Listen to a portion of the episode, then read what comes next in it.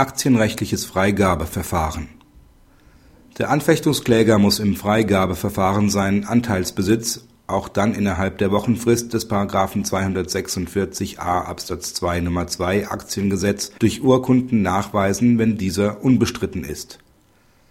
Nachdem sich ein Aktionär im Wege der Anfechtungsklage gegen Beschlüsse der Hauptversammlung einer Aktiengesellschaft wandte stellte die beklagte Aktiengesellschaft einen Freigabeantrag nach § 246a Aktiengesetz.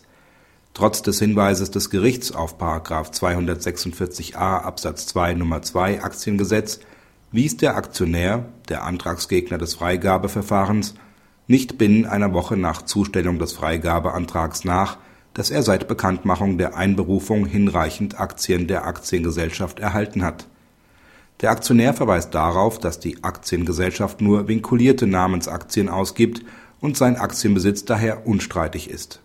Das Kammergericht folgt dieser Argumentation nicht. Es verweist auf den eindeutigen Wortlaut der Norm.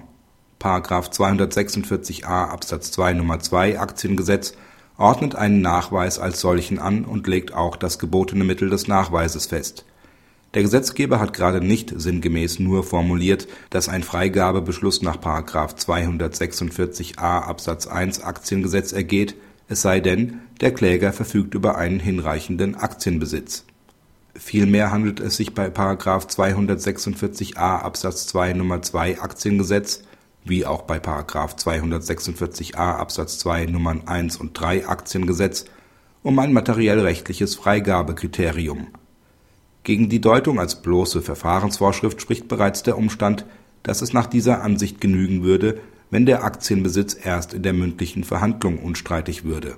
Dieses Ergebnis ließe sich aber mit der vom Gesetzgeber ausdrücklich geforderten Wochenfrist nicht vereinbaren, die nach einhelliger Auffassung eine materiell-rechtliche Ausschlussfrist ist, also weder verlängert werden kann, noch der Wiedereinsetzung in den vorigen Stand zugänglich ist.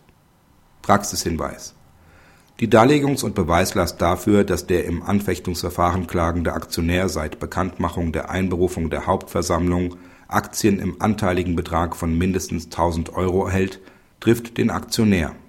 Der Nachweis muss, wie das Kammergericht feststellt, zwingend binnen der gesetzlich angeordneten Wochenfrist durch Vorlage entsprechender Urkunden geführt werden